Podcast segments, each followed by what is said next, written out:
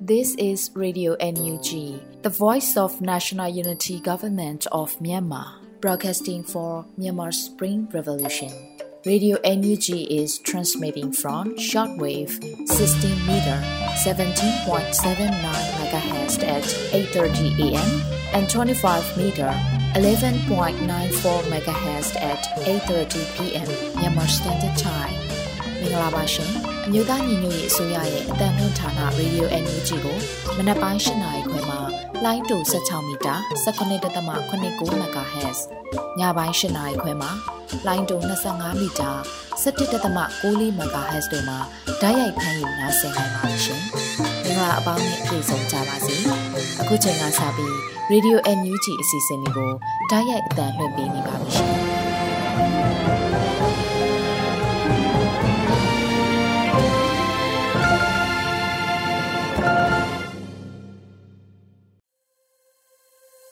မင်္ဂလာနံနက်ခင်းပါရှင်ရေဒီယို NUG ကိုနားဆင်နေကြတဲ့မိဘပြည်သူများနဲ့မြန်မာနိုင်ငံသူနိုင်ငံသားအပေါင်းတဘာဝဘေးဆရာနာရှင်ဘေးတို့ကနေကင်းဝေးပြီးကိုစိတ်နှပါဘေးကင်းလုံခြုံကြပါစေလို့ရေဒီယို NUG အဖွဲ့သားများကဆုတောင်းမေတ္တာပို့သလိုက်ပါတယ်ပထမအဆုံးအနေနဲ့ရေဒီယို NUG ရဲ့စီးရေးသတင်းကောင်းတို့ချက်ကိုတော့လွတ်လပ်နေဦးမှဖတ်ကြားတင်ပြပေးတော့မှာဖြစ်ပါတယ်ရှင်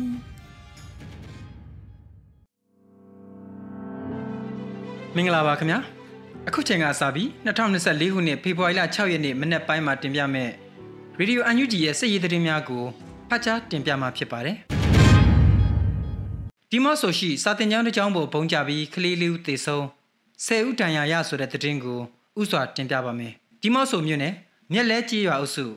ဒေါ်စီအီကြီးရွာစာတင်ကျောင်းပေါ်စစ်ကောင်စီရဲ့လေကြောင်းတိုက်ခိုက်မှုတွင်ဘုံတိကြရောက်ပောက်ကွဲခဲ့ပြီးကလေးလေးဦးသေဆုံးကဆယ်ဦးထက်မနည်းထိခိုက်ဒဏ်ရာရရှိခဲ့တယ်လို့ KNY အမျိုးသားများကာကွယ်ရေးတပ် KNTF ကအတည်ပြုထုတ်ပြန်ထားပါတယ်။နေ့လယ်7:45မိနစ်လောက်မှာစာတင်ကျောင်းပေါ်တက်တက်လာကျဲတာပါလို့ KNTF ဗဟိုသတင်းနဲ့ပြန်ကြားရေးဌာနပြောရေးဆိုခွင့်ရှိသူစောတာအဲဆိုးကမြန်မာနောင်မီဒီယာကိုဖြေဆိုထားပါတယ်။စစ်ကောင်စီကလေယာဉ်နှစ်စီးနဲ့ရှစ်ကြိမ်ခန့်ပြန်ဝဲပြီးမှဘုံကျဲခဲ့တယ်လို့မြေပြင်တပ်အခြေစိုက်စခန်းများကလည်းအဆိုပါနေရာအနီးဝန်းကျင်ကိုလက်နက်ကြီးများနဲ့ပစ်ခတ်တိုက်ခိုက်ခဲ့တယ်လို့၎င်းကဆက်ပြောပြပါတယ်။တိတ်ဆုံးသွားတဲ့ကလေးများမှာအသက်17နှစ်မှ 73နှစ်ကြာအရွယ်များဖြစ်ကြတယ်လို့သိရပါတယ်။စစ်ကောင်စီတပ်ကဘုံကျဲချခဲ့တဲ့ကြေးရွာများဟာတိုက်ပွဲနယ်မြေမဟုတ်ဘဲစစ်ပေးရှောင်ပြည်သူများခိုးလုံရနေရာများဖြစ်တယ်လို့လည်းသိရပါတယ်။စစ်တပ်အာဏာသိမ်းပြီးနောက်၃နှစ်နီးပါးကာလအတွင်းစစ်ကောင်စီရဲ့တပ်ဖြတ်မှုကြောင့်ကလေးငယ်492ဦးသေဆုံးခဲ့ရကြောင်းအန်ယူဂျီက2023ခုနှစ်အောက်တိုဘာလ4ရက်နေ့သတင်းစာရှင်းလင်းပွဲမှာထုတ်ပြန်ပြောဆိုထားတာလည်းဖြစ်ပါတယ်ခင်ဗျာ။တက်လက်ပြီးလောက်ကံမျိုး ရှင်းလင်းရေးလှုပ်ဆောင်စဉ်ရေဖြန်းကားတစ်စီးမှာဖွက်ထားတဲ့အမျိုးအစားမျိုးစုံတရားမဝင်လက်နဲ့632လက်သိမ်းဆီးရမိခဲ့တယ်လို့ MNTA ကထုတ်ပြန်တဲ့သတင်းကိုတင်ပြဖို့ရှိပါတယ်။လောက်ကင်မြို့ကိုရှင်းလင်းရေးလှုပ်ဆောင်နေစဉ်မှာရေဖြန်းကားတစ်စီးတွင်မှာဖွက်ထားတဲ့အမျိုးအစားမျိုးစုံတရားမဝင်လက်နဲ့632လက်သိမ်းဆီးရမိခဲ့တယ်လို့ MNTA ကသတင်းထုတ်ပြန်လိုက်ပါတယ်။အထူးဒေသ1ကိုကန်ဒေသမှာ MNTA ကတနက်များပုတ်ကလေးကကန်ဆောင်ခွင့်နဲ့ လက်နက်ရောင်းချခွင့်ကိုအထူးတင်းကျပ်ထားပြီးတနက်များကိုဖေဖော်ဝါရီလ9ရက်နေ့မတိုင်ခင်အနှံဖို့လဲအသိပေးထုတ်ပြန်ခဲ့ပါတယ်။အဲဒီနောက်ဖေဖော်ဝါရီလ3ရက်နေ့မွန်းလွဲပိုင်းမှာရေဖြန်းကားတစ်စီးတွင်မှဖွက်ထားတဲ့တရားမဝင်လက်နက်632လက်ကိုအခုလိုသိမ်းဆည်းရမိခဲ့တာဖြစ်ပါတယ်။ MNDA တပ်မတော်ဟာ1027စစ်စင်ရေးတွင်စစ်ကောင်စီတပ်စခန်း300နီးပါးနဲ့လောက်ကိုင်းချင်းရွှေဟောင်းမုံကိုကွမ်းလုံကုန်းကျန်းစတဲ့မြို့များကိုသိမ်းပိုက်ရရှိခဲ့ပြီလည်းဖြစ်ပါတယ်ခင်ဗျာ။ တောင်ပြိုလက်ဝဲစခန်းတိုက်ပွဲတွင်စစ်ကောင်စီတပ်သားများဘင်္ဂလားဒေ့ရှ်နိုင်ငံထဲကိုထပ်မံထွက်ပြေးသွားတဲ့အကြောင်းကိုတင်ပြပါဦးမယ်။မြန်မာဘင်္ဂလားဒေ့ရှ်နယ်စပ်မောင်တော်မြို့နယ်ကစစ်ကောင်စီရဲ့တောင်ပြိုလက်ဝဲစခန်းကိုရခိုင်တပ်တော် AA ကဆက်လက်တိုက်ခိုက်နေပြီးစစ်ကောင်စီတပ်သား10နဲ့ချီတစ်ဖက်နိုင်ငံကိုထပ်မံထွက်ပြေးခဲ့တယ်လို့ဒေသခံသတင်းရင်းမြစ်တွေထံကသိရပါဗျ။မောင်တော်မြို့နယ်မြောက်ပိုင်းကတောင်ပြိုလက်ဝဲနဲ့တောင်ပြိုလက်ရစခန်းတွေကိုရခိုင်တပ်တော် AA ကဖေဖော်ဝါရီလ4ရက်နေ့ကလေးကစတင်ထိုးစစ်ဆင်တိုက်ခိုက်နေကြတာဖြစ်ပြီး လက်ရာစခန်းကိုအဲ့ဒီနေ့ညနေတည်းကသိမ်းပိုက်နိုင်ခဲ့တာဖြစ်ပါတယ်။ကြန့်ရှိနေသေးတဲ့တောင်ပြူလက်ဝဲစခန်းကိုအေအေကဆက်လက်ထိုးစစ်ဆင်တိုက်ခိုက်နေခဲ့တာဖြစ်ပြီးဖေဖော်ဝါရီလ9ရက်နေ့မနက်ကစစ်ကောင်စီတပ်သား20ကျော်ခန့်ဘင်္ဂလားဒေ့ရှ်နိုင်ငံဘက်ကိုထွက်ပြေးသွားခဲ့တာဖြစ်ပါတယ်။ဖေဖော်ဝါရီလ4ရက်နေ့စစ်ရေးသတင်းထုတ်ပြန်ချက်မှာတောင်ပြိုလက်ဝဲစခန်းကစစ်ကောင်စီတပ်ဖွဲ့ဝင်တွေအနေနဲ့လက်နက်ချအညံ့ခံရင်အသက်ချမ်းသာရရမယ်လို့ညီနောင်သုံးဖွဲ့ကတတိပေးထားပါတယ်။တောင်ပြိုလက်ရစခန်းသိမ်းတိုက်ပွဲတွင် ရန်သူအလောင်းအမြောက်များနဲ့လက်နက်ခဲယမ်းများတင်စီရရှိခဲ့ပြီးမိမိတို့ဘက်မှစစ်တီအချို့အသက်ပေးဆွလွန်ခဲ့ရတယ်လို့ညီနောင်သုံးဖွဲ့ရဲ့ထုတ်ပြန်ချက်မှာဖော်ပြထားပါတယ်။အဲ့ဒီနေ့ကတိုက်ပွဲများတွင်မှလည်းနေကြားဆောက်ရဲအပါဝင်စစ်ကောင်စီတပ်ဖွဲ့ဝင်60နီးပါးဘင်္ဂလားဒေ့ရှ်နိုင်ငံတွေကိုလက်နက်တွေနဲ့တူထွက်ပြေးသွားခဲ့ကြပါသေးတယ်။1027စစ်စင်ရေးစတင်ပြီးနောက်တရုတ်အိန္ဒိယဘင်္ဂလားဒေ့ရှ်စတဲ့နိုင်ငံတွေတဲကိုစစ်ကောင်စီတပ်ဖွဲ့ဝင်တွေနေဆက်ဖြတ်ကျော်ထွက်ပြေးခဲ့ရတဲ့ဖြစ်စဉ်တွေမကြာခဏဖြစ်ပွားနေတာဖြစ်ပါတယ်။ 2023ခုနှစ်နိုဝင်ဘာလကစလို့အိန္ဒိယနိုင်ငံထဲနေဆက်ဖြတ်ကျော်ထွက်ပြေးလာခဲ့တဲ့စစ်ကောင်စီတပ်သားဟာ900ကျော်ထိရှိခဲ့ပြီးနောက်နှစ်နိုင်ငံနေဆက်ဒေသတလျှောက်ချန်စီယိုခတ်ဖို့စီစဉ်နေတယ်လို့အိန္ဒိယအာဏာပိုင်တွေကထုတ်ပြန်ပြောဆိုခဲ့ပါတယ်။ရခိုင်ပြည်နယ်မှာမောင်တော်ပြင်ဘူးတီတောင်ပုံနာကျွန်းကြောက်တော်မြောက်ဦးမင်းပြအန်ရန်ပြဲစတဲ့မြို့နယ်တွေမှာလည်းတိုက်ပွဲတွေနေ့စဉ်ဖြစ်ပွားနေတာဖြစ်ပါတယ်ခင်ဗျာ။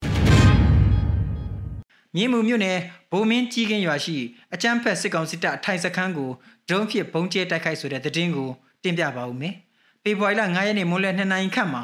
မြင်းမူမြို့နယ်ဗိုလ်မင်းကြီးကင်းကြေးရွာတွင်အထိုင်ချတပ်ဆွဲနေသောအကျန်းဖက်စစ်ကောင်စီတပ်သားများကိုတော်လိုင်းအဖွဲ့များကဒရုန်းကိုစီးနဲ့ပုံကျဲတိုက်ခိုက်ခဲ့တယ်လို့သိရပါတယ်။ဖြစ်စဉ်မှာအကျန်းဖက်စစ်ကောင်စီတပ်သား2ဦးသေဆုံးခဲ့ကြောင်းသိရပါတယ်။တိုက်ခိုက်မှုကို People's Night Defense Force မြင်းမူ PKTF MMU အဖွဲ့မှဦးဆောင်၍ MNU PDF စကိုင်းခရိုင်တိုင်းရင်6ခွဲ1မြင့်မှုရှာထူဝနီးပညာတပ်ဖွဲ့ Team 6 Drug for Justice People Security Force အရာတော်နဲ့မဟာမိတ်များကပူးပေါင်းလှုပ်ဆောင်ခဲ့တာဖြစ်ပါတယ်ခင်ဗျာမကွေးတိုင်းပခုတ်ကူမြို့252တပ်နဲ့အနောက်ဘုံကံပြည်သူစစ်ရွာကို rocket အလုံး20ကျော်နဲ့ပစ်ခတ်တိုက်ခိုက်ဆိုတဲ့သတင်းကိုတင်ပြပါဦးမယ်ဖေဖော်ဝါရီလ9ရက်နေ့မှာဆိုပါစစ်ရေးသတင်းကို Yan Force UG ကအတည်ပြုတာဖြစ်ပါတယ် ဖေဖော်ဝါရီလ၄ရက်နေ့မနက်ပိုင်းတွင်မကွေးတိုင်းပခုတ်ကူမြို့252တပ်နဲ့အနောက်ဘုံကံပြည်သူ့စစ်ရွာကို rocket အလုံး20ကျော်နဲ့ပစ်ခတ်တိုက်ခတ်ခဲ့တယ်လို့ဆိုပါတယ်။တိုက်ခိုက်မှုတွင်လက်နက်ကြီးများတပ်တွင်း area ထဲသို့ကြားရောက်ပောက်ကွဲ၍အထိကိပျက်စီးများရှိကြောင်းကရုတ်ကြီးများထဲသို့အလူရဲ့ပြေးပုန်းနေကြတယ်လို့နောက်ဆက်တွဲသတင်းရရှိပါတယ်။၎င်းတိုက်ခိုက်မှုများကိုမြိုင်ပခုတ်ကူမဟာမိတ်ပူးပေါင်းတပ်ဖွဲ့များနဲ့တူပခုတ်ကူမြို့နယ်ပကဖတပ်ခွဲနှစ်မှပူးပေါင်းပါဝင်တိုက်ခိုက်ခဲ့တာဖြစ်ပါတယ်ခင်ဗျာ။ ပြည်သူများထံငွေတောင်းခံနေတဲ့စစ်ကောင်စီတပ်သားတအုပ်ကိုအသေးပစ်ခတ်ဖမ်းဆီးခဲ့ပြီးတအုပ်ကိုအရှင်ဖမ်းဆီးရမိတဲ့အကြောင်းကိုတင်ပြဖို့ရှိပါသေးတယ်။ကချင်ပြည်နယ်မိုးညင်းမြို့မြို့ရှောင်းလမ်းပေါ်တွင်ခရီးသွားပြည်သူများထံငွေတောင်းခံနေတဲ့စစ်ကောင်စီတပ်သားတအုပ်နဲ့၎င်းရဲ့အဖော်ဖြစ်သူကိုတွားရောက်ဖမ်းဆီးခဲ့ရမှာတအုပ်သိဆုံးပြီးတအုပ်ရှင်ဖမ်းမိခဲ့တယ်လို့မိုးညင်း KPDF တပ်ရင်းကသိရပါတယ်။ ပြည်သူများရဲ့သတင်းပေးပို့မှုကြောင့်၎င်းစစ်ကောင်စီတပ်သား2ဦးကိုဖေဖော်ဝါရီလ4ရက်နေ့မှာတွားရောက်ဖမ်းဆီးခဲ့ပြီးလက်နက်ဖြင့်ပြန်လည်ခုခံရန်ကြိုးစားခဲ့သောစစ်ကောင်စီတပ်သား2ဦးကိုအသေးပစ်ခတ်ခဲ့ရတယ်လို့မုံညင်းမြို့နယ်ပြည်သူ့ကာကွယ်ရေးတပ်ဖွဲ့ကသတင်းထုတ်ပြန်ထားပါတယ်။လက်နက်မပါတဲ့ကြံတူကိုတော့အရှင်ဖမ်းဆီးရမိခဲ့ပြီး၎င်းစစ်ကောင်စီတပ်သားကင်ဆောင်တဲ့တနက်တက်လက်နဲ့တူဖုံးနှလုံးကိုမုံညင်း KPDF တပ်ရင်းကတင်းစီရရှိခဲ့တယ်လို့သိရပါတယ်။မုံညင်းမြို့နယ်နေပြည်သူများအနေနဲ့စစ်ကောင်စီနဲ့ပတ်သက်တဲ့သတင်းများကိုမုံညင်း KPDF တပ်ရင်းထံ အချိန်နဲ့တပြေးညီဆက်သွယ်သတင်းပေးပို့ကြဖို့ကိုလည်းမိုးညင်း KPDF ကတောင်းဆိုထားပါတယ်ခင်ဗျာရေဦးမြို့နယ်ရှိကြေးရွာများမှာစစ်ကောင်စီတပ်များမိရှို့တောင်းကြနေလို့ရွာပေါင်း15ရွာမှာပြည်သူ1000ကျော်ထွက်ပြေးတိမ်းရှောင်နေရတဲ့အကြောင်းကိုတင်ပြပါဦးမယ်ရေဦးမြို့နယ်ရှိကြေးရွာများမှာစစ်ကောင်စီတပ်များမိရှို့တောင်းကြနေလို့ရွာပေါင်း15ရွာမှာပြည်သူ1000ကျော်ဟာထွက်ပြေးတိမ်းရှောင်နေကြရတယ်လို့ဖေဖော်ဝါရီလ9ရက်နေ့မှာ ခင်ဦး Local People Defense Force ကအသိပေးပြောဆိုလိုက်ပါတယ်။ဖေဖော်ဝါရီလ9ရက်နေ့နေ့နက်ပိုင်းရေဦးမြို့တိုင်းရင်းစစ်ရုံမှာထွက်လာတဲ့အကြမ်းဖက်စစ်ကောင်စီတပ်အင်အားတရားဝန်းကျင်ခန့်ဟာခင်ဦးမြို့နယ်ရွာသစ်ကြီးရွာမူတာကြီးရွာကြားမှာဖြတ်၍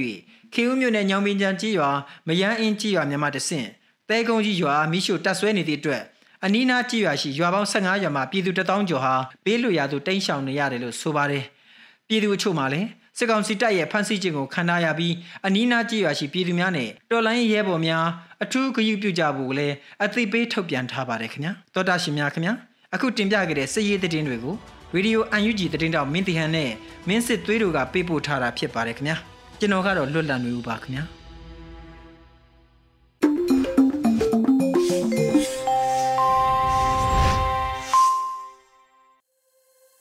ရေဒီယိုအန်ဂျီမှဆက်လက်အသံလွှင့်ပေးနေပါတယ်အခုဆက်လက်ပြီးပြည်ရင်းသတင်းများကိုတော့မျိုးဦးမိုင်မှဖတ်ကြားတင်ပြပေးတော့မှာဖြစ်ပါတယ်ရှင်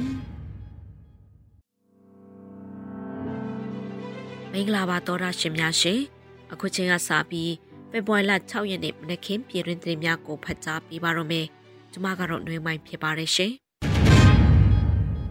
စာတင်နေတဲ့ကလေးတွေကိုဘုံကျဲတက်ဖြတ်မှုလုံးဝခွင့်မလွတ်ဘူးလို့ပြည်တော်စုဝင်ကြီးဒေါက်တာဇော်ရီဆိုပြောကြားတဲ့သတင်းကိုပထမဦးစွာတင်ပြပေးချင်ပါတယ်။စာတင်နေတဲ့ကလေးတွေကိုဘုံကျဲတက်ဖြတ်မှုလုံးဝခွင့်မလွတ်ဘူးလို့ပြည်တော်စုဝင်ကြီးဒေါက်တာဇော်ဝေဆိုးကဖေဖော်ဝါရီ9ရက်မှာပြောပါတယ်။စာတင်နေတဲ့ကလေးတွေကိုတက်တာလုံးဝလုံးဝခွင့်မလွတ်နိုင်ဘူးလို့ဝင်ကြီးကဆိုပါတယ်။ကရင်ပြည်နယ်ဒီမော့ဆိုကျေးရွာအနောက်ချမ်းဒေါ်စီအီကျေးရွာကစာတင်ကျောင်းကို ဖေဖော်ဝါရီလ9ရက်မနေ့10နိုင်ခန့်ကစစ်ကောင်စီဂျက်ဖိုက်တာ2စီးနဲ့လေကြောင်းကနေပုံကျဲတိုက်ခိုက်ခဲ့ပါတယ်။ဖြစ်စဉ်မှာចောင်းသားကလေးငယ်လေးဦးသေဆုံးပြီး10ဦးကျော်စိုးရိမ်ဒဏ်ရာရရှိခဲ့ပါတယ်ရှင်။ဆလပီဂျာကာလာဒေသန္တရပြည်သူ့အုပ်ချုပ်ရေးဖော်ဆောင်မှုဘောကော်မတီနဲ့စကိုင်းတိုင်းရှိမြို့နယ်ပြည်သူ့အုပ်ချုပ်ရေးဖွဲ့များတွဲဆုံဆွေးနွေးပွဲပြည်တော်စုဝင်ကြီးများတက်ရောက်တဲ့တရင်ကိုတင်ပြပေးပါောင်းမယ်။အမျိုးသားရင်ညွှန်ရေးအစိုးရ ဂျာကာလာဒေသန္တရပြည်သူ့ချုပ်ရေးဖော်ဆောင်မှုဘဟုကော်မတီနဲ့စကိုင်းတိုင်းမြို့နယ်ပြည်သူ့ချုပ်ရေးဖွဲ့များတွိတ်ဆုံဆွေးနွေးပွဲအစည်းအဝေး17မြင်းဆောင်2024ကိုဖေဖော်ဝါရီလ9ရက်မှာကျင်းပခဲ့ပါတယ်။အစည်းအဝေးသို့ဂျာကာလာဒေသန္တရပြည်သူ့ချုပ်ရေးဖော်ဆောင်မှုဘဟုကော်မတီအဖွဲ့ဝင် အလုသမားဝင်ကြီးဌာနပြည်အောင်စုဝင်ကြီးနိုင်သူ့ဝန်ထမ်းတယောက်ကအဖွဲ့မှစကားပြောကြားခဲ့ပါတယ်။ဆက်လက်၍ဝင်ကြီးဌာနတာဝန်ရှိသူများမှလုပ်ငန်းဆောင်ရွက်ချက်များရှင်းလင်းပြောကြားခဲ့ပြီးမြို့နယ်ပြည်သူ့အုပ်ချုပ်ရေးဖွဲ့ဝင်များမှမူဝါဒလမ်းညွှန်ချက်များလုပ်ငန်းဆောင်ရွက်ချက်များမြေပြင်အခက်အခဲများပေါ်သိရှိလိုသည့်များကိုမေးမြန်းဆွေးနွေးခဲ့ကြ၍ဝင်ကြီးဌာနတာဝန်ရှိသူများမှပြန်လည်ဖြေကြားခဲ့ကာဂျာကာလာဒေသန္တရပြည်သူ့ချုပ်ရေးဖော်ဆောင်မှုဗဟိုကော်မတီ အဖွဲ့ဝင်ပညာရေးကျန်းမာရေးဝန်ကြီးဌာနပြည်ထောင်စုဝန်ကြီးဒေါက်တာဇော်ဝေဆိုမှညီကုန်းချုပ်စကားပြောကြားခဲ့ပါတယ်။အစည်းအဝေးသို့ပြည်ထောင်စုဝန်ကြီးများအမြဲတမ်းအတွင်းဝင်များဒုတိယအတွင်းဝင်များတွဲဖက်အတွင်းဝင်များဌာနဆိုင်ရာမှတာဝန်ရှိသူများစကိုင်းတိုင်းရှိမြို့နယ်ပြည်သူ့အုပ်ချုပ်ရေးအဖွဲ့ခေါင်းဆောင်များအဖွဲ့ဝင်များတက်ရောက်ခဲ့ကြရလို့တင်ရရှိပါရရှင်။အမျိုးသားညီညွတ်ရေးအစိုးရဆက်သွယ်ရေးတရင်အချက်လက်နဲ့ဒီပညာဝန်ကြီးဌာနလက်အောက်ရှိ စီဒီအန်ဝန်ထမ်းများနဲ့ပြောင်စုဝင်ကြီးတို့တွေ့ဆုံပွဲကျင်းပတဲ့တဲ့ရင်ကိုနောက်ထပ်တင်ပြပေးပါမယ်။အမျိုးသားရင်ငွေရေးအစိုးရဆက်သွဲတဲ့ချက်လက်နဲ့နိပညာဝန်ကြီးဌာနလက်အောက်ရှိစီဒီအန်ဝန်ထမ်းများ၏တတိယအကြိမ်မြောက်စိတ်ခွန်အားပြည့်တွေ့ဆုံပွဲကိုဖေဖော်ဝါရီလ3ရက်နေ့တွင်အွန်လိုင်းမှာတဆင့်ကျင်းပခဲ့ပါတယ်။တွေ့ဆုံပွဲကိုအမျိုးသားညီညွတ်ရေးအစိုးရဆက်သွယ်ရေးတဲ့အချက်လက်နဲ့ဤပညာဝန်ကြီးဌာနပြည်ထောင်စုဝန်ကြီးဦးထင်လင်းအောင် CDM Success Committee ကိုစားအပြည်ပြည်ဆိုင်ရာပူးပေါင်းဆောင်ရွက်ရေးဝန်ကြီးဌာန ပြည်အောင်စုဝန်ကြီးဒေါက်တာဆဆာဆက်သွယ်တဲ့အချက်လက်နဲ့ဤပညာဝန်ကြီးဌာနမှတာဝန်ရှိသူများနဲ့ CDM တွေ့ရကောင်းများတက်ရောက်ခဲ့ကြပါတယ်။တွိဆုံပွဲတွင်ပြည်ထောင်စုဝန်ကြီးကပြည်တွင်းမှာနေထိုင်ကြရသည့် CDM များ၏အခက်အခဲများကိုများစွာစားနာပါကြောင်းယခုချိန်ထိကြံကြံခံဆွဲရှိရှိဖြင့်ပါဝင်ပေးနေသည့်အတွက်ကျေးဇူးတင်ပါကြောင်းယခုခါစနစ်ပြောင်းကာလဖြစ်သည့်အတွက်အချိန်ကာလကြာမြင့်ခဲ့ကြောင်းရက်ဆက်သည့် အာနာရှင်ဖြစ်ရင်ဆိုင်နေရသဖြင့်ယနေ့ထိတော်လှန်ရေးတွင်ပါဝင်ပေးနေသည့်အတွက်များစွာလေးစားမိပါကြောင်းအဖွဲ့မှစကားပြောကြားခဲ့ပါတယ်ဆက်လက်၍ CDM အောင်နိုင်ရေးကော်မတီ CDM Success Committee ကိုစားတက်ရောက်ချင်းမြင့်ပေးပါတော့အပြည်ပြည်ဆိုင်ရာပူးပေါင်းဆောင်ရွက်ရေးပြည်အောင်စုဝင်ကြီးဒေါက်တာဆဆာမှ CDM တွဲဆောင်ပွဲကိုဖိတ်ကြားခံရသည့်အတွက်များစွာဝမ်းမြောက်မိပါကြောင်းသုံးနှစ်ကြာသည့်တိုင်အခက်ခဲများကြားမှ CDM ကိုယုံကြည်ချက်ကြောင့်ပြုလုပ်နေကြသည့်အတွက် အားလုံးကိုအလေးပြုပါကြောင်းယခုသုံးနှစ်သည်ရက်ဆက်ကြမ်းကြုတ်သည့်နှစ်များဖြစ်ပါကြောင်း CDM များ၏တက်တိကိုကဘာကအတိမတ်ပြုတ်လောက်သည့်အထိပြသနိုင်ခဲ့ပါကြောင်းနှွေးတော်လှန်ရေးတွင် CDM လှုပ်ရှားမှုသည်ဥဆုံးဖြစ်ပါကြောင်းရဲအရှိန်ဟုံမှတဆင့်တော်လှန်လှုပ်ရှားမှုများဆက်လက်ပါဝင်လာကြသည်ဖြစ်ကြောင်း CDM ဆိုဒီမှာခက်အစစ်စစ်တွင်မရှိခဲ့ကြောင်းအခွင့်အရေးတစ်ခုလည်းဖြစ်ပါကြောင်း မြန်မာနိုင်ငံအနာဂတ်တစ်ခုလုံးပြောင်းလဲမှုတွင်တားဆီးမြင့်ဆက်အတွက်ဂုံယူစရာဖြစ်ရဖြစ်ပါကြောင်းဝန်ကြီးကပြောပါရယ်ထို့နောက်စီဒီယံဝန်ထမ်းများမှယခုလိုပြည်အောင်စုဝန်ကြီးများနဲ့တွေ့ဆုံခွင့်ရသဖြင့်များစွာကျေးဇူးတင်၍စိတ်ခွန်အားများရရှိပါကြောင်းနဲ့ဝန်ကြီးဌာနမှဖွင့်လှစ်ပေးသည့်တင်ဒန်းတက်ရောက်နိုင်မှုအခြေအနေများကျန်းမာရေးဆောင်ရှောက်မှုပေးနေသည်များထောက်ပံ့ငွေအစီအစဉ်များ CDM ရေးရာကိစ္စရပ်များနဲ့ဆက်လင်း၍ဆွေးနွေးပြောကြားခဲ့ပါရရှင်။ လေကြောင်းတိုက်ခိုက်ရာမှာပါဝင်တဲ့အကြီးဆုံးအမိန်ပေးသူကအစလေမူဆက်ပြင်းအစုံကျူးလွန်သူအယောက်စီတိုင်းကိုစစ်ရာဇဝတ်မှုအကြီးလေးဆုံးပြစ်ဒဏ်အပြင်ပြည်သူပေးတဲ့နောင်ကျင်ချင်းဖြစ်တာမှပေးရမယ်လို့ဆိုတဲ့သတင်းကိုနောက်ထပ်တင်ပြပေးချင်ပါတယ်။လေကြောင်းတိုက်ခိုက်ရမှာပါဝင်တဲ့အကြီးဆုံးအမိန်ပေးသူကစလေရင်မှုဆက်ပြင်းဆုံး ကျူးလွန်သူရောက်စီတိုင်းကိုစစ်ရာဇဝတ်မှုအကြီးလေးဆုံးဖြစ်တာပြင်ပြည်သူပေးတဲ့နောင်ကျင်ချင်းဖြစ်တာမှပေးရမယ်လို့ပင်ရိုင်ဒုဝင်ကြီးကြားထွေပန်းကဖေဖော်ဝါရီလ9ရက်မှာပြောပါတယ်။စိုးဖွဲ့ရစကားမရှိတော့ပြီးအပြစ်ကင်းစွာစာတင်ကြားနေတဲ့ကလေးတွေကိုတဲ့တဲ့အချိန်ပြီးပြည့်ဝင့်တဲ့ဒီလိုရုံးမှာစစ်တပ်ကိုတရက်ကလေးမြသက်ဆိုးရှေခုမပေးတင်တော့ပါ အခုကရင်နီပြည်ကဒေါ်စီအီစစ်ဆောင်စာတင်ကျောင်းတိုက်ခိုက်မှုအပါအဝင်စာတင်ကျောင်းတွေအပြစ်မဲ့ပြည်သူတွေကိုလေကျောင်းတိုက်ခိုက်ရမှာပါဝင်တဲ့အကြီးဆုံးအမိန်ပေးသူကအစလေမှုဆက်ပြေဆုံးကျူးလွန်သူအရောက်စီတိုင်းကိုစစ်ရာဇဝတ်မှုအကြီးလေးဆုံးပြစ်ဒဏ်ပြင် ပြည်သူပေးတဲ့နောင်ကျင်ချင်း social and moral punishment ပြစ်ဒဏ်ခံယူအောင်လုပ်ဖို့ကလွဲပြီးအခြားမရှိတော့လို့ဆိုပါတယ်။ကရင်ပြည်နယ်ဒီမော့ဆိုကျေးရွာအနောက်ချမ်းဒေါ်စီအီကျေးရွာကစာတင်ကျောင်းကိုဖေဖော်ဝါရီ9ရက်မနေ့10နာရီခန့်က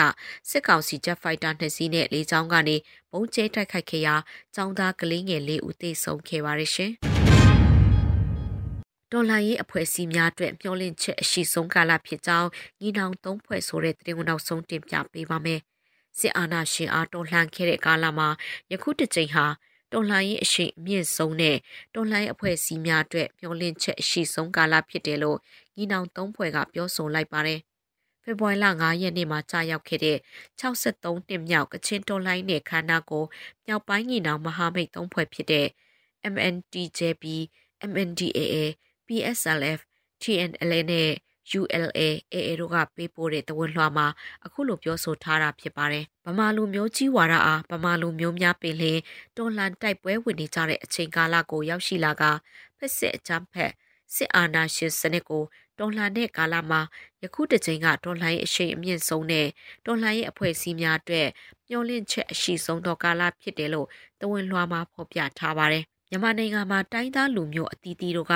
အမျိုးသားတန်းတူရေးကိုပိုင်ပြဋ္ဌာန်းဆုံးဖြတ်ပိုင်ခွင့်နဲ့ကိုကြမကိုကိုတိုင်ဖန်တီးနိုင်ခွင့်အပါအဝင်မမလူမျိုးကြီးဝါဒနဲ့ဖက်စစ်အကြမ်းဖက်စစ်အာဏာရှင်တို့ကိုတစိုက်မမတော်လှန်တိုက်ပွဲဝင်နေခဲ့ကြတာဟာဆယ်စုနှစ်ပေါင်းများစွာရှိခဲ့ပြီလို့လည်းဆိုထားပါတယ်။ကချင်ကရင်ကရင်နီချင်းမွန်ဗမာရခိုင်ရှမ်းတအောင်ကိုကန့်ပါဝင်နိုင်ငံအတွင်းမှခြားသောတိုင်းသားလူမျိုးများစွာတို့ကလည်း လူမျိုးကြီးဝါဒနဲ့ဖက်စစ်ကြမ်းဖက်စစ်အာဏာရှင်စနစ်အောက်မှလွတ်မြောက်ရေးလူမျိုးစုကိုစားပြုတော်လှန်ဖွဲ့စည်းများအတီးတီးဖွဲ့ပြီးတော်လှန်တိုက်ပွဲဝင်နေကြဆဲဖြစ်တယ်လို့ညီနောင်သုံးဖွဲ့ကပြောဆိုထားပါတယ်ရှင်။အခုတင်ပြခဲ့တဲ့သတင်းတွေကို Radio UNG သတင်းထောက်မင်းတီဟာနဲ့မင်းစစ်သွေးတို့ကပေးပို့ထားတာဖြစ်ပါတယ်ရှင်။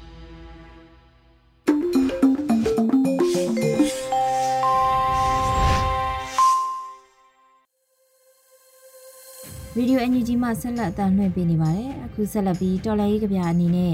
မောင်လင်းရဲ့ရေးသားပြီးမေဦးမိုးရွတ်ဖတ်ထားတဲ့စေတန်နဲ့လင်းရင်ပြန်လို့အမည်ရတဲ့တော်လိုင်းရေးကြပြတစ်ပုဒ်ကိုနားဆင်ရမှာဖြစ်ပါတယ်ရှင်စေတန်နဲ့လင်းရင်ပြန်တောင်မန်ကိုချစ်တဲ့စိတ်ဟာဧကရစ်တို့သားအဖကစတယ်ဆိုရင် right တို့ညီနောင်ရဲ့လက်ထက်မှာ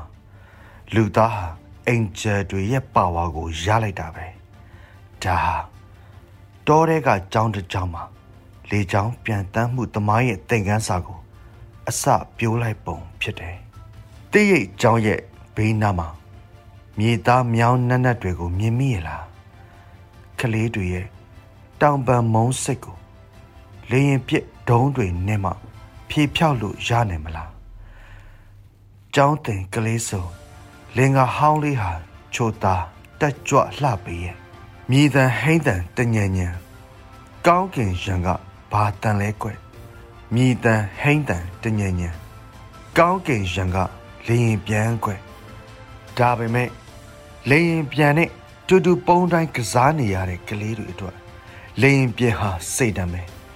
feeling တက feeling ပဲငါတို့အိမ်ဝင်းထက်ကကြက်ပေါက်စကလေးတွေအတွက် အရက်ဆက်ဆုံးတင်းစုံငှက်ပဲ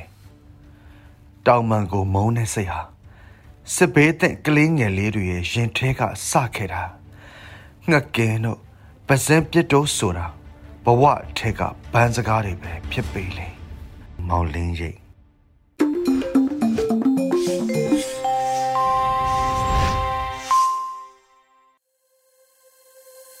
ရေဒီယိုအန်ယူဂျီရဲ့မနက်ခင်းအစီအစဉ်လေးကိုဆက်လက်အသံလွှင့်ပေးနေပါတယ်။ခုဆက်လက်ပြီးရတတရပတ်မိုးလေဝသခြေဒီခမန်းချက်ကိုနှွေဦးမှမှဖက်ကြားတင်ပြပေးတော့မှာဖြစ်ပါတယ်ရှင်။မင်္ဂလာပါရှင်ခုချိန်ကစပြီး2024ခုနှစ်ဖေဖော်ဝါရီလ9ရက်နေ့မှ17ရက်နေ့အထိမိုးလေဝသအခြေအနေများကိုတင်ပြပေးသွားမှာဖြစ်ပါတယ်မြန်မာနိုင်ငံတပြည်လုံးတွင်လာမည့်ရက်သတ္တပတ်အတွင်းစောင်းအေးတက်ကိုခန်းစားရနိုင်ပြီး လေဝေလိုင်းများကင်းဆင်နိုင်ပါတယ်မြန်မာနိုင်ငံမြောက်ပိုင်းစွန်းနဲ့တောင်ပိုင်းစွန်းတို့တွင်သာမိုးသည်မိုးပွဲအနှဲငယ်အချိန်ခါမဟုတ်ရွာနိုင်သူကိုသတိပြုစေလိုပါတယ်ယခုတစ်ပတ်တွင်ညအခါဆောင်းရသည့်အေးပိုလာနိုင်မှုသည်အိန္ဒိယဘက်မှအေးလိုင်းအင်အားချဲ့ထွင်မှုနဲ့အင်အားရောကျမှုပေါ်မူတည်၍မြန်မာနိုင်ငံအထက်ပိုင်းအရှေ့ပိုင်းနဲ့အလဲပိုင်းများသာမကမြို့အကျွမော်ဒေသများအထိအေးပိုမှုအတက်အကျကိုခန်းစားရလာနိုင်ပြီးနနက်ပိုင်းတွင်မြူတူများလဲကျဆင်းနိုင်မှာကြောင်းသိစေလိုပါတယ်။ ဆက်လက်ပြီးနေ့လိုက်တပတ်စာမိုးလေဝသအခြေအနေများကိုလည်းတင်ပြပေးသွားပါမယ်ရှင်။ဖေဖော်ဝါရီလ9ရက်နေ့အတွက်ခံမှန်းချက်မှာမြန်မာနိုင်ငံအထက်ပိုင်းနှင့်အလဲပိုင်းတို့တွင်နောက်နောက်မြောက်လေးများတိုက်ခတ်လာနိုင်ပြီးတောင်ပိုင်းတွင်အနောက်နောက်တောင်လေးများတိုက်ခတ်နေနိုင်ပါတယ်။စောင်းမုတ်တုံအခြေအနေမှာနောက်မြောက်လေးအေးများသည့်မြန်မာနိုင်ငံအထက်ပိုင်းနှင့်အလဲပိုင်းသာမကမြို့ဝကျွန်းမော်ဒေသအများအထိလေအေးများဝင်ရောက်လာနိုင်သဖြင့်ညပူချိန်များကြာဆင်းကဆက်လက်အေးလာနိုင်ပါတယ်။ နနက်ပိုင်းတွင်ရခိုင်ပြည်နယ်၊ချင်းပြည်နယ်၊ကချင်ပြည်နယ်၊စကိုင်းတိုင်း၊မန္တလေးတိုင်း၊မကွေးတိုင်း၊ရှမ်းပြည်နယ်၊ပဲခူးတိုင်း၊အေရီတိုင်း၊ကရင်ပြည်နယ်နှင့်ကရင်ပြည်နယ်တို့တွင်မြူတူများကြာဆင်းနိုင်ပါတယ်။ဘင်္ဂလားပင်လယ်အော်ခြေနေမှာဘင်္ဂလားပင်လယ်အော်တောင်ပိုင်းတွင်တိမ်အထင်တင့်ဖြစ်ထွန်းနိုင်ပြီးကြံဘင်္ဂလားပင်လယ်အော်နှင့်ကပလီပင်လယ်ပြင်တို့တွင်တိမ်အနှဲငယ်ဖြစ်ထွန်းနိုင်ပါတယ်။မိုးခြေနေမှာကချင်ပြည်နယ်မြောက်ပိုင်းဆုံးတွင်နေရာကွက်ကြားမိုးဝင်းများရွာကျနိုင်သည်မှပကြံဒေသများတွင်တာယာနိုင်ပါတယ်။ ပင်လယ်ပြင်ချင်းဒီမှာရခိုင်ကမ်းရိုးရင်းဘက်တွင်အနောက်နောက်မြောက်ဖက်မှလေးသည်တနိုင်း9မိုင်မှ10မိုင်ခန့်တိုက်ခတ်နိုင်ပြီးလိုင်းအသင့်အင့်ရှိနိုင်ပါတယ်။မြဝကျွမမုတ်တမကွေးနဲ့တနင်္သာရီကမ်းရိုးရင်းဘက်တွင်နောက်နောက်တောင်ဘက်မှလေးသည်တနိုင်း9မိုင်ခန့်တိုက်ခတ်နိုင်ပြီးလိုင်းအသင့်အင့်ရှိနိုင်ပါတယ်ရှင်။ဖေဖော်ဝါရီလ6ရက်နေ့အတွက်ခံမှန်းချက်ကတော့မြန်မာနိုင်ငံအထက်ပိုင်းနဲ့လယ်ပိုင်းတို့တွင်အနောက်နောက်မြောက်လေးများတိုက်ခတ်လာနိုင်ပြီးတောင်ပိုင်းတွင်အနောက်နောက်တောင်လေးများတိုက်ခတ်နေနိုင်ပါတယ်။ စောင်းမုတ်တုံချင်းဒီမှာနောက်မြောက်လေးအေးများသည့်မြန်မာနိုင်ငံအထက်ပိုင်းနဲ့လယ်ပိုင်းသာမကမြို့ဝကျွန်းမော်ဒေသများအထိညပူချိန်များကြာဆင်းကဆက်လက်အေးလာနိုင်ပါတယ်။နနက်ပိုင်းတွင်ရခိုင်ပြည်နယ်၊ချင်းပြည်နယ်၊ကချင်ပြည်နယ်၊စကိုင်းတိုင်း၊မန္တလေးတိုင်း၊မကွေးတိုင်း၊ရှမ်းပြည်နယ်၊ပဲခူးတိုင်း၊အေရီတိုင်းကရင်ပြည်နယ်နဲ့ကရင်ပြည်နယ်တို့တွင်မြူတူများကြာဆင်းနိုင်ပါတယ်။မင်္ဂလာပင်လယ်ချီနီမှာမင်္ဂလာပင်လယ်တောင်ပိုင်းတွင်တိမ်အထင်တင့်ဖြစ်ထွန်းနိုင်ပြီး ကြံမင်္ဂလာပင်လယ်နှင့်ကပလီပင်လယ်ပြင်တို့တွင်တိမ်အနှဲငယ်ဖြစ်ထွန်းနိုင်ပါတယ်။မိုးချီနီမှာကချင်ပြည်နယ်မြောက်ပိုင်းဆုံးတွင်နေရာကွက်ကြားမိုးပွဲများရွာကျနိုင်သည်မှပကြံဒေသများတွင်တာယာနိုင်ပါတယ်။ပင်လယ်ပြင်ချီနီမှာရခိုင်ကဲရိုးရန်ဘတ်တွင်နောက်နောက်မြောက်ဖက်မှလေသည်တနိုင်း9မိုင်မှ10မိုင်ခန့်တိုက်ခတ်နိုင်ပြီးလိုင်းအသင့်အတင့်ရှိနိုင်ပါတယ်။မြဝကျွန်းမမုတ်တမကွေးနဲ့တနင်္သာရီကဲရိုးရန်ဘတ်တွင်အနောက်နောက်တောင်ဘက်မှလေသည် တနင်္ဂနွေ9မိုင်ခန့်တိုက်ခတ်နိုင်ပြီးလိုင်းအသင့်အတင့်ရှိနိုင်ပါတယ်ရှင်။ဖေဖော်ဝါရီလ9ရက်နေ့အတွက်ခံမှန်းချက်မှာမြန်မာနိုင်ငံအထက်ပိုင်းနဲ့လယ်ပိုင်းတို့တွင်နောက်နောက်မြောက်လေများတိုက်ခတ်လာနိုင်ပြီးတောင်ပိုင်းတွင်အနောက်နောက်တောင်လေများတိုက်ခတ်နေနိုင်ပါတယ်။စောင်းမှုသုံးအခြေအနေမှာနောက်မြောက်လေအေးများသည့်မြန်မာနိုင်ငံအထက်ပိုင်းနှင့်လယ်ပိုင်းသာမကမြို့ဝကျွန်းမော်ဒေသများအထိညပူချိန်များဆက်လက်အေးအေးပူလာနိုင်ပါတယ်။နံနက်ပိုင်းတွင်ရခိုင်ပြည်နယ်၊ချင်းပြည်နယ်၊ကချင်ပြည်နယ်၊စကိုင်းတိုင်း မန္တလေးတိုင်းမကွေးတိုင်းရှမ်းပြည်နယ်ပဲခူးတိုင်းအေရီတိုင်းကရင်ပြည်နယ်နှင့်ကရင်ပြည်နယ်တို့တွင်မြူတူများကြာဆင်းနိုင်ပါတယ်။ဘင်္ဂလားပင်လယ်အော်ချီနီမှာဘင်္ဂလားပင်လယ်အော်တောင်ပိုင်းတွင်တိမ်အထင်တစ်ဖြစ်ထွန်းနိုင်ပြီးကြံဘင်္ဂလားပင်လယ်အော်နှင့်ကပ်ပလီပင်လယ်ပြင်တို့တွင်တိမ်အနှဲငယ်ဖြစ်ထွန်းနိုင်ပါတယ်။မိုးချီနီမှာကချင်ပြည်နယ်နှင့်စကိုင်းတိုင်းအထက်ပိုင်းတို့တွင်နေရာကွက်ကြားမိုးပွဲများရွာကျနိုင်သည်မှအပါကျန်ဒေသများတွင်တာယာနိုင်ပါတယ်။ပင်လယ်ပြင်အခြေအနေမှာ ရခိုင်ကဲမရန်ဘတ်တွင်အနောက်နောက်မြောက်ဖက်မှလေးသည်တနိုင်း9မိုင်မှ10မိုင်ကတိုက်ခတ်နိုင်ပြီးလိုင်းအသင့်အင့်ရှိနိုင်ပါတယ်။မြို့ဝကျွန်းမောင်မုတ်တမကွင်းနဲ့တနင်္သာရီကဲရန်ဘတ်တွင်နောက်နောက်တောင်ဘက်မှလေးသည်တနိုင်း9မိုင်ကတိုက်ခတ်နိုင်ပြီးလိုင်းအသင့်အင့်ရှိနိုင်ပါတယ်ရှင်။ဖေရိုင်လ10ရက်နေ့အတွက်ခံမှန်းချက်မှာမြန်မာနိုင်ငံအထက်ပိုင်းနှင့်အလဲပိုင်းတို့တွင်နောက်နောက်မြောက်လေးများတိုက်ခတ်လာနိုင်ပြီးတောင်ပိုင်းတွင်ရှေ့ရှေ့မြောက်လေးများတိုက်ခတ်နေနိုင်ပါတယ်။စောင်းမုတ်တုံချီနေမှာ နောက်မြောက်လေးအေးများသည့်မြန်မာနိုင်ငံအထက်ပိုင်းနှင့်အလဲပိုင်းသာမကမြို့အကျွမော်ဒေသများအထိညပူချိန်များကြာဆင်းကဆက်လက်အေးပူလာနိုင်ပါတယ်။နံနက်ပိုင်းတွင်ရခိုင်ပြည်နယ်၊ချင်းပြည်နယ်၊ကချင်ပြည်နယ်၊စကိုင်းတိုင်း၊မန္တလေးတိုင်းမကွေးတိုင်းရှမ်းပြည်နယ်ကရင်ပြည်နယ်ပဲခူးတိုင်းအေရီတိုင်းနှင့်ကရင်ပြည်နယ်တို့တွင်မြူတူများကြာဆင်းနိုင်ပါတယ်။ဘင်္ဂလားပင်လယ်အခြေအနေမှာဘင်္ဂလားပင်လယ်တိုင်မိုင်းတွင်တိမ်အသင့်အတင့်ဖြစ်ထွန်းနိုင်ပြီး ကြံဘင်္ဂလားပင်လယ်နှင့်ကပ်ပလီပင်လယ်ပြင်တို့တွင်တိမ်ကင်းဆင်နိုင်ပါတယ်။မိုးအခြေအနေမှာကချင်ပြည်နယ်နှင့်စကိုင်းတိုင်းထပ်ပိုင်းတို့တွင်နေရာကွက်ကြားမိုးဝဲများရွာကျနိုင်သည်မှအပကြံဒေတာများတွင်တာယာနိုင်ပါတယ်။ပင်လယ်ပြင်အခြေအနေမှာရခိုင်ကမ်းရိုးတန်းဘက်တွင်မြောက်နောက်မြောက်ဖက်မှလေသည်တနင်္ဂနွေမိုင်မှ10မိုင်ခန့်တိုက်ခတ်နိုင်ပြီးလှိုင်းအသည့်အတက်ရှိနိုင်ပါတယ်။မြို့ဝကျွန်းမမုတ်တမကွင်းနဲ့တနင်္သာရီကဲရိုးရန်ဘက်တွင်ရှေ့မြောက်ဖက်မှလေသည်တနင်္ဂနွေမိုင်ခန့်တိုက်ခတ်နိုင်ပြီးလှိုင်းအသည့်အတက်ရှိနိုင်ပါတယ်ရှင်။ ဖေရိုင်လ9ရက်နေ့အတွက်ခံမှန်းချက်ကတော့မြန်မာနိုင်ငံအထက်ပိုင်းနဲ့အလဲပိုင်းတို့တွင်မြောက်အနောက်မြောက်လေးများတိုက်ခတ်လာနိုင်ပြီးတောင်ပိုင်းတွင်မြောက်ရှေ့မြောက်လေးများတိုက်ခတ်နေနိုင်ပါတယ်။စောင်းမှုသုံးချီနေမှာမြန်မာနိုင်ငံအထက်ပိုင်းရှေ့ပိုင်းနဲ့အလဲပိုင်းသာမကမြို့ဝကျွမော်ဒေတာများအထိညပူချိန်များကြာဆင်ကဆက်လက်အေးအေးဖိုးလာနိုင်ပါတယ်။နံနက်ပိုင်းတွင်ရခိုင်ပြည်နယ်ချင်းပြည်နယ်ကချင်ပြည်နယ်စကိုင်းတိုင်းမန္တလေးတိုင်းမကွေးတိုင်းရှမ်းပြည်နယ်ကရင်ပြည်နယ် ပဲခူးတိုင်းအေရီတိုင်းနှင့်ကရင်ပြည်နယ်တို့တွင်မြူတူများကြာဆင်းနိုင်ပါတယ်။ဘင်္ဂလားပင်လယ်အော်ချီနီမှာဘင်္ဂလားပင်လယ်အော်တောင်ပိုင်းတွင်တိမ်အသင့်အင့်ဖြစ်ထွန်းနိုင်ပြီးကျန်ဘင်္ဂလားပင်လယ်အော်နှင့်ကပ်ပလီပင်လယ်ပြင်တို့တွင်တိမ်ကင်းဆင်နိုင်ပါတယ်။မိုးချီနေမှာတပြည်လုံးစောင်းအေးအေးတက်အောက်တွင်တာယာနိုင်ပါတယ်။ပင်လယ်ပြင်ချီနေမှာရခိုင်ကဲရိုးနံပါတ်တွေမြောက်နောက်မြောက်ဖက်မှလေးသည်တနိုင်9မိုင်မှ10မိုင်ခန့်တိုက်ခတ်နိုင်ပြီးလိုင်းအသင့်အတက်ရှိနိုင်ပါတယ်။မြို့ဝကျွန်းမမုတ်တမကွေးနဲ့ တနင်္သာရီကဲရိုးနံပါတ်တွေအရှိအရှိမြောက်ဖက်မှလေးသည်တနိုင်9မိုင်ခန့်တိုက်ခတ်နိုင်ပြီးလိုင်းအသင့်အတက်ရှိနိုင်ပါတယ်ရှင်။ဖေဖော်ဝါရီလ10ရက်နေ့အတွက်ခံမှန်းချက်မှာမြန်မာနိုင်ငံအထက်ပိုင်းနဲ့အလဲပိုင်းတို့တွင်မြောက်နောက်မြောက်လေးများတိုက်ခတ်လာနိုင်ပြီးတောင်ပိုင်းတွင်ရှေ့ရှေ့မြောက်လေးများတိုက်ခတ်နေနိုင်ပါတယ်။စောင်းမုတ်တုံချီနေမှာမြန်မာနိုင်ငံအထက်ပိုင်းရှေ့ပိုင်းနှင့်လယ်ပိုင်းသာမကမြို့ဝကျွန်းမော်ဒေသများအထိညပူချိန်များကြာဆင်းကဆက်လက်အေးပိုလာနိုင်ပါတယ်။ နံနက်ပိုင်းတွင်ရခိုင်ပြည်နယ်ချင်းပြည်နယ်ကချင်ပြည်နယ်စကိုင်းတိုင်းမန္တလေးတိုင်းမကွေးတိုင်းရှမ်းပြည်နယ်ကရင်ပြည်နယ်ပဲခူးတိုင်းအေရီတိုင်းနှင့်ကရင်ပြည်နယ်တို့တွင်မြူတူများကြာဆင်းနိုင်ပါတယ်။ဘင်္ဂလားပင်လယ်အော်ချီနီမှာဘင်္ဂလားပင်လယ်ော်တောင်ပိုင်းတွင်တိမ်အထင်တက်ဖြစ်ထွန်းနိုင်ပြီးကြံဘင်္ဂလားပင်လယ်ော်နှင့်ကပ်ပလီပင်လယ်ပြင်တို့တွင်တိမ်ကင်းဆင်နိုင်ပါတယ်။မိုးချီနေမှာတပြည်လုံးစောင်းအေးတဲ့အောက်တွင်တာယာနိုင်ပါတယ်။ ပင်လယ်ပြင်ချီနေမှာအခိုင်ကဲရိုးရန်ဘတ်တွင်မြောက်နောက်မြောက်ဖက်မှလေးသည်တနိုင်9မိုင်မှ10မိုင်ခန့်တိုက်ခတ်နိုင်ပြီးလိုင်းအသင့်အတင့်ရှိနိုင်ပါတယ်။မြို့ဝကျွန်းမမုတ်တမကွေးနဲ့တနင်္သာရီကဲရိုးရန်ဘတ်တွင်အရှိအရှိမြောက်ဘက်မှလေးသည်တနိုင်9မိုင်ခန့်တိုက်ခတ်နိုင်ပြီးလိုင်းအသင့်အတင့်ရှိနိုင်ပါတယ်ရှင်။ဖေဖော်ဝါရီလ17ရက်နေ့အတွက်ခံမှန်းချက်မှာမြန်မာနိုင်ငံအထက်ပိုင်းနဲ့အလဲပိုင်းတို့တွင်မြောက်နောက်မြောက်လေးများတိုက်ခတ်လာနိုင်ပြီးတောင်ပိုင်းတွင်တောင်ရှေ့တောင်လေးများတိုက်ခတ်နေနိုင်ပါတယ်။ စောင်းမုတ်တုံချင်းဒီမှာမြန်မာနိုင်ငံအထက်ပိုင်းရှေ့ပိုင်းနဲ့အလဲပိုင်းတို့တွင်ညပူချိန်များကြာဆင်းကဆက်လက်အေးပူနိုင်တော့လဲမြို့အကျွန်းမော်ဒေတာများတွင်ပြန်လည်အေးသက်သာသွားနိုင်ပါတယ်။နံနက်ပိုင်းတွင်ရခိုင်ပြည်နယ်ချင်းပြည်နယ်ကချင်ပြည်နယ်စကိုင်းတိုင်းမန္တလေးတိုင်းမကွေးတိုင်းရှမ်းပြည်နယ်ကင်းဒီပြည်နယ်ပဲခူးတိုင်းအေရီတိုင်းနှင့်ကရင်ပြည်နယ်တို့တွင်မြူတူများကြာဆင်းနိုင်ပါတယ်။ဘင်္ဂလားပင်လယ်အော်ချီနေမှာဘင်္ဂလားပင်လယ်အော်တောင်ပိုင်းနှင့်ကပ်ပလီပင်လယ်ပြင်တို့တွင် တိမ်အသင့်တက်မှတိမ်ထူထပ်နိုင်ပြီးကြံဘင်္ဂလားပင်လယ်အော်တွင်တိမ်ကင်းဆင်နိုင်ပါတယ်။မိုးချီနေမှာတနင်္သာရီတိုင်းတွင်နေရာကွက်ကြားမိုးရွာနိုင်သည်မှအပကြံတပြည်လုံးတွင်တာယာနိုင်ပါတယ်။ပင်လယ်ပြင်အခြေအနေမှာ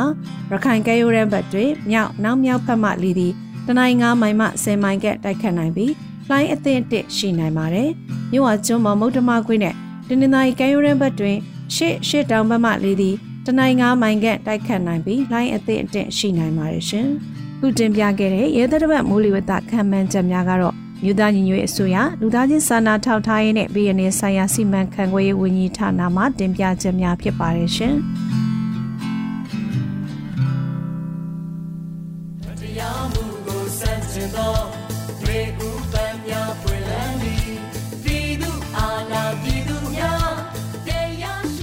ဒီကနေ့ကတော့ဒီညနဲ့ပဲ Radio NUG ရဲ့အစီအစဉ်လေးကိုခਿੱတရနာလိုက်ပါမယ်ရှင်။မြန်မာစံတော်ချိန်မနက်၈နာရီခွဲနဲ့ည၈နာရီခွဲအချိန်တွေမှာပြန်လည်ဆုံတွေ့ကြပါစို့။ Radio NUG ကိုမနက်ပိုင်း၈နာရီခွဲမှာလိုင်းတူ16မီတာ19.8 MHz ညပိုင်း၈နာရီခွဲမှာလိုင်းတူ25မီတာ17.6 MHz တို့မှာဓာတ်ရိုက်ဖမ်းလို့နိုင်စေနိုင်ပါပြီ။ မြန်မာနိုင်ငံသူနိုင်ငံသားတွေကိုစိတ်နှပြကျန်းမာချမ်းသာလို့ဘေးကင်းလုံခြုံကြပါစေလို့ Radio NUG အဖွဲ့သူဖွဲ့သားတွေကဆုတောင်းမြတ်တာပို့တာလိုက်ရပါတယ်ရှင်။မြေသားညီမတွေအစိုးရရဲ့စက်သွေးရေးသတင်းအချက်အလက်တွေမျိုးပညာဝန်ကြီးဌာနကထုတ်လွှင့်နေတဲ့ Radio NUG ဖြစ်ပါတယ်။ San Francisco Bay Area အခြေစိုက်မြန်မာမိသားစုတွေနဲ့နိုင်ငံတကာကစေတနာရှင်လို့အားပေးနေတဲ့ Radio NUG ဖြစ်ပါတယ်။အရေးတော်ပုံအောင်ရမည်